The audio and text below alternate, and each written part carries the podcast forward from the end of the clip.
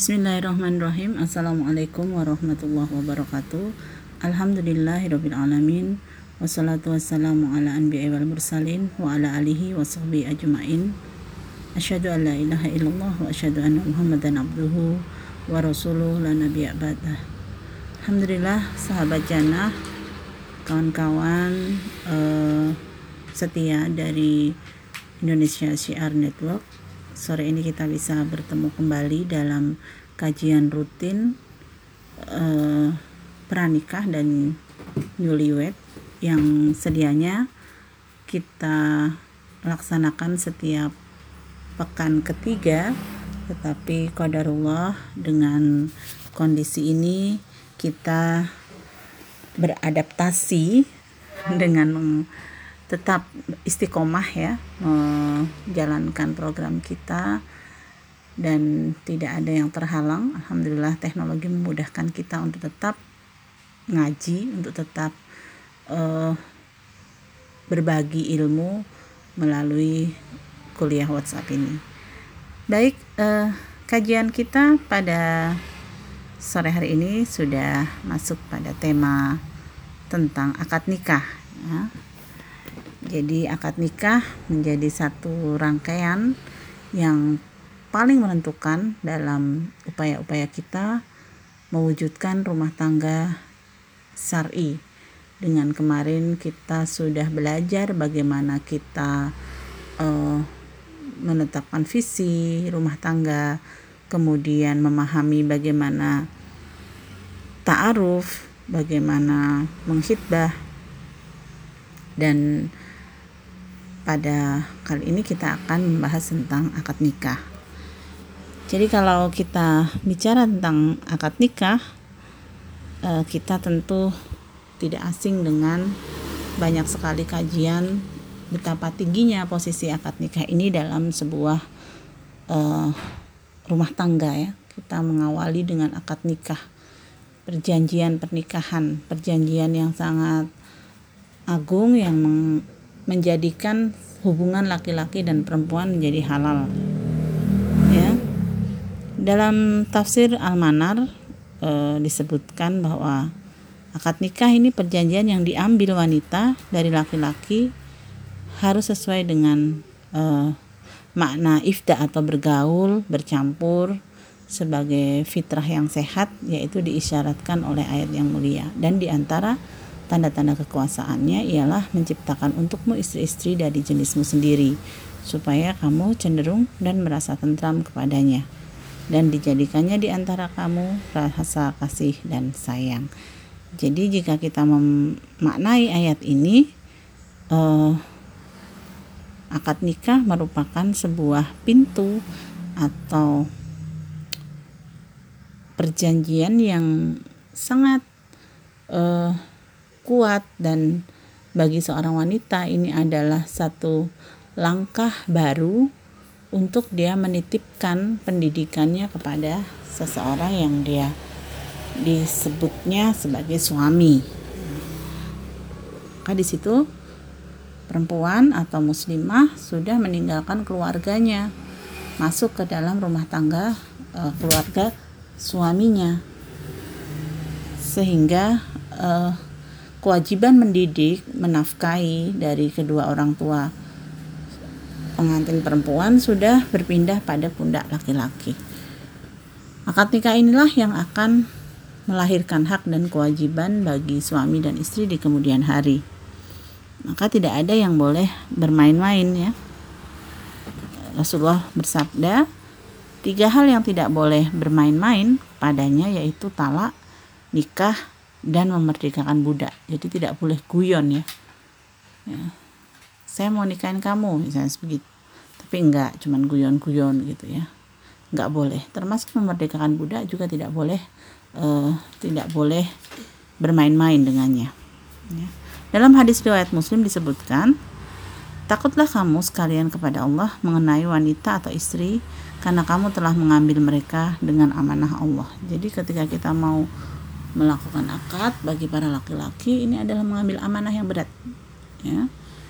Sebagaimana kita tahu amanah akan dimintai pertanggungjawabannya uh, di sisi Allah. Uh, lalu ada beberapa hal yang harus diperhatikan berkenaan dengan akad nikah. Yang pertama laki-laki dan perempuan terutama perempuan ya wanita berhak memilih suami. Jadi tidak ada paksaan dalam melakukan pernikahan. Ya, tidak boleh ada yang dipaksa. Ya, dari Abu Hurairah bahwa Rasulullah bersabda, tidak boleh dinikahkan seorang janda hingga dia diajak musyawarah dan tidak boleh dinikahkan seorang gadis hingga dia dimintai izinnya. Mereka para sahabat bertanya, "Wahai Rasulullah, bagaimana izinnya?" Beliau menjawab, "Jika dia diam saja." Bisa jadi diam saja ini juga harus dipastikan ya diam saja karena memang setuju bukan karena terpaksa. Jadi eh, harus kita lihat juga tidak boleh dipaksa ya. Tidak boleh menduga-duga ya. Sepertinya dia mau sepertinya dia setuju tidak boleh. Harus eh, wanita diberi kebebasan untuk memilih atau menolak calon suaminya. Termasuk eh, harus dimintai pendapatnya dan diminta kepada walinya ya. Jadi tidak boleh kita main-main ya. Kalau kita menghitbah ya kita hitbah kepada walinya. Jika dia gadis, kalau sudah janda mungkin bisa dia dihitbah langsung walaupun tetap ada pertimbangan keluarga. Tetapi kalau gadis tidak boleh seorang ikhwan, seorang laki-laki menghitbah ya tanpa persetujuan orang tuanya datangi walinya, datangi orang tuanya dan meminta dengan baik-baik. Seperti itu. Dari Ibnu Abbas bahwa seorang wanita perawan datang kepada Nabi dan beritahukan bahwa ayahnya telah mengawinkan dia padahal dia tidak suka. Lalu Nabi memberikan hak kepadanya untuk memilih.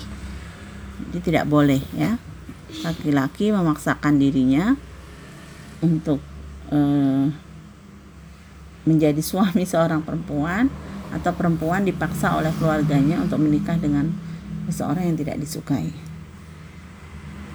Yang kedua, izin wali ada yang menganggap izin wali ini sebagai anjuran, tapi ada juga yang wajib ya.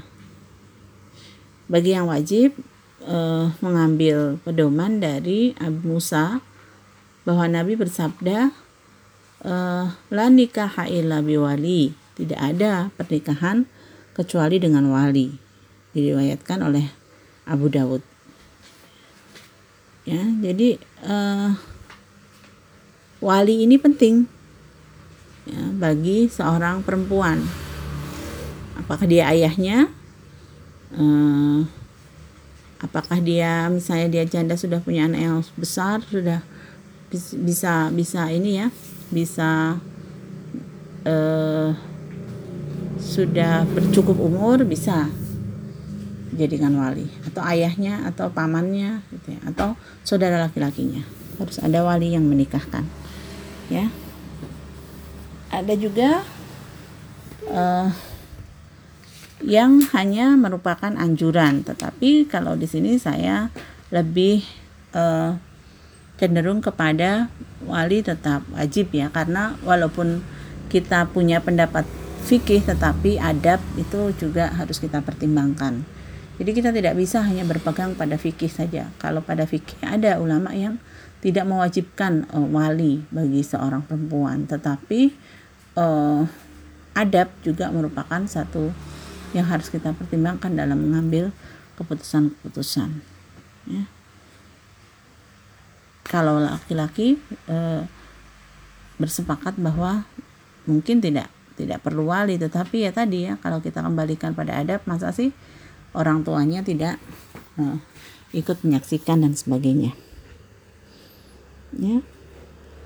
E, itu sebagai persyaratan kedua adanya akad nikah dan jumhur yang jelas jumhur berpendapat e, wali sebagai syarat nikah ya. Kemudian hmm, ada lagi persyaratan yang merupakan juga adab atau kehadiran wali dalam waktu akad nikah. Jadi dengan adanya wali ada sebuah penguatan dari pihak perempuan untuk uh, menjadi uh, satu kehormatan ya bagi pengantin perempuan. Ada persyaratan-persyaratan dalam akad nikah kita sudah lebih mengetahui ya syarat-syarat yang tidak boleh misalnya uh, apa yang tidak dibolehkan dalam akad misalnya orang sudah dilamar kemudian dibatalkan untuk kemudian dinikahi sendiri itu tidak boleh ya. Diceraikan untuk menikahkan dengan saudaranya tidak boleh. Ya. nah uh, sahabat jannah tentang akad kita sudah banyak mengetahui. Yang jelas ada wali ada saksi ada maharnya ya. Kemudian kita uh, juga tercatat. Nah ini penting ya saya termasuk yang sangat mensyaratkan atau mensarankan untuk kita uh, tetap mencatatkan pernikahan kita kepada uh, KUA atau pemerintah. Jadi sebenarnya kalau kita mengatakan nikah yang siri tidak ada ya. Siri itu diam-diam. Sementara uh, semua pernikahan pasti ada saksi saksi nikahnya ya mungkin yang dianggap pernikahan siri karena tidak dicatatkan kepada pihak pemerintah nah dalam hal ini saya mensarankan untuk tetap dicatatkan pernikahan itu uh, di pemerintahan ya karena terkait dengan nantinya hak-hak anak-anak kita.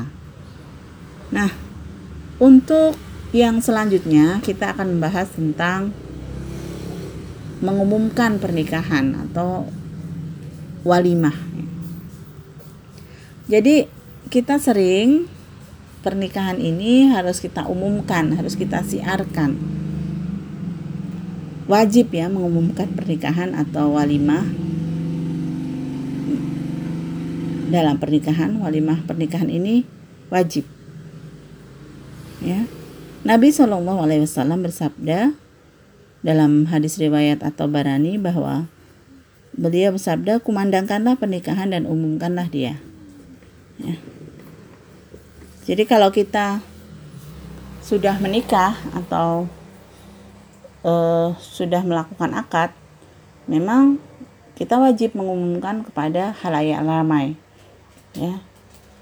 Meskipun tidak harus hingar-bingar tetapi harus tetap diumumkan supaya apa supaya tidak ada fitnah ya dan apa Rasulullah pernah bersabda umumkanlah pernikahan ini dan selenggarakanlah ia di masjid-masjid jadi boleh menyelenggarakan pernikahan di masjid e, atau di gedung atau di rumah ya tergantung dengan e, apa yang kita rencanakan kesanggupan dan sebagainya. Lalu dalam walimah ini apa sih yang harus kita perhatikan? Yang pertama, walimah ini memang kita niatkan untuk siar ya. Bukan untuk uh, show hanya kesombongan dan sebagainya. Memang kita harus mensiarkan ini dengan niat supaya tidak ada fitnah, ya, supaya tidak ada uh, prasangka.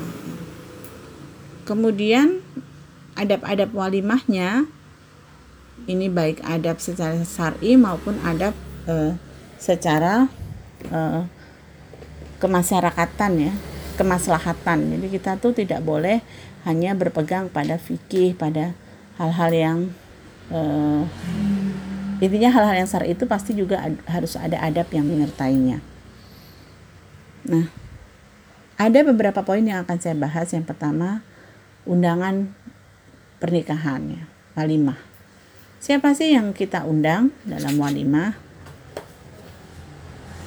Dalam satu uh, riwayat disebutkan bahwa Rasulullah mengundang ya anak-anak orang-orang yang tidak mampu, tetangga-tetangga terdekat.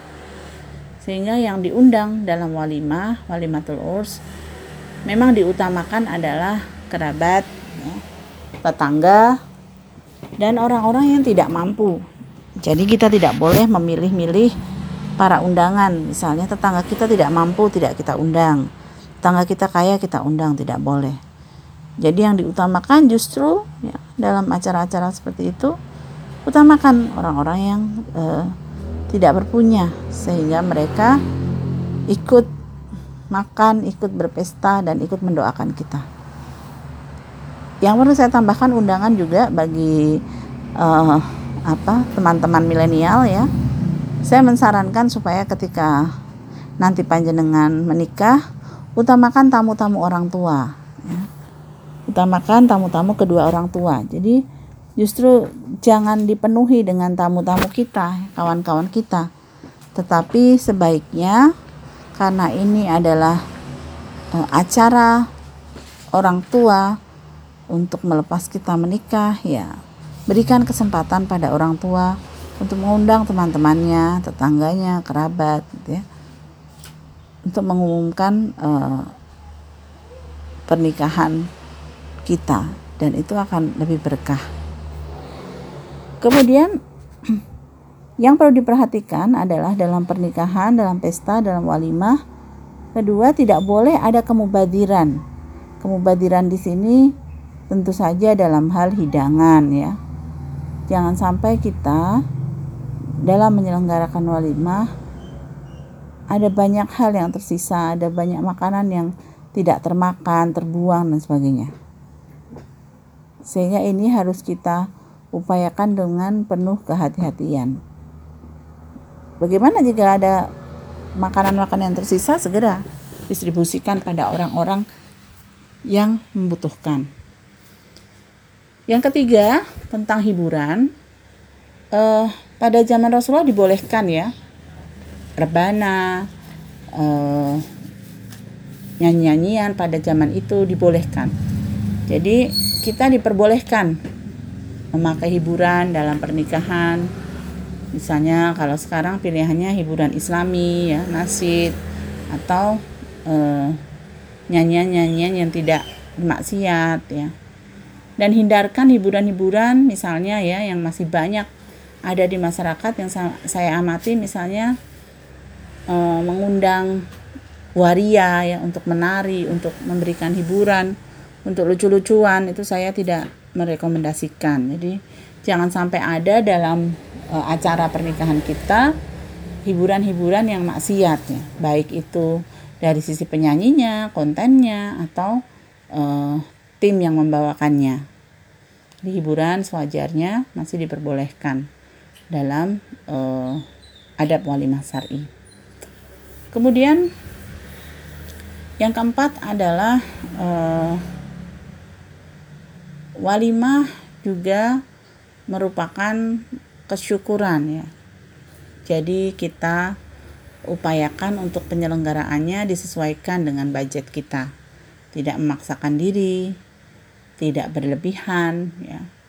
Kemudian eh, kita siapkan finansial planningnya sehingga setelah walimah tidak ada beban-beban yang harus kita tanggung. Dan yang terakhir, upayakan acara yang yang hikmat, eh, akrab, dan jangan ada acara yang sia-sia ya. Pernah ya saya mendatangi satu walimah dengan konsep yang modern, yang sangat megah, mewah, dengan standing party, dengan prasmanan dan sebagainya tetapi tidak ada satu unsur e, acara yang islami. Bahkan doa tidak ada e, dibuka dengan doa juga tidak. Jadi full hanya hiburan hiburan dan hiburan. Nah ini tentu sangat memprihatinkan ya. Maka memang perlunya dalam e, penyelenggaraan walimah ini adanya musyawarah adanya penyusunan konsep yang yang baik dan memilih uh, eh, IO atau memilih pelaksana pernikahan yang juga uh, dapat bekerja sama dengan kita untuk mewujudkan nilai-nilai Islami dalam acara walimah kita. Sepertinya itu pengantar dari saya. Mudah-mudahan uh, dalam dinamika diskusi kita nanti ya bisa ada yang tereksplor dan kita bisa memberikan saling memberikan ilmu dan manfaat. Demikian dari saya. Bila hidayah. Assalamualaikum warahmatullahi wabarakatuh.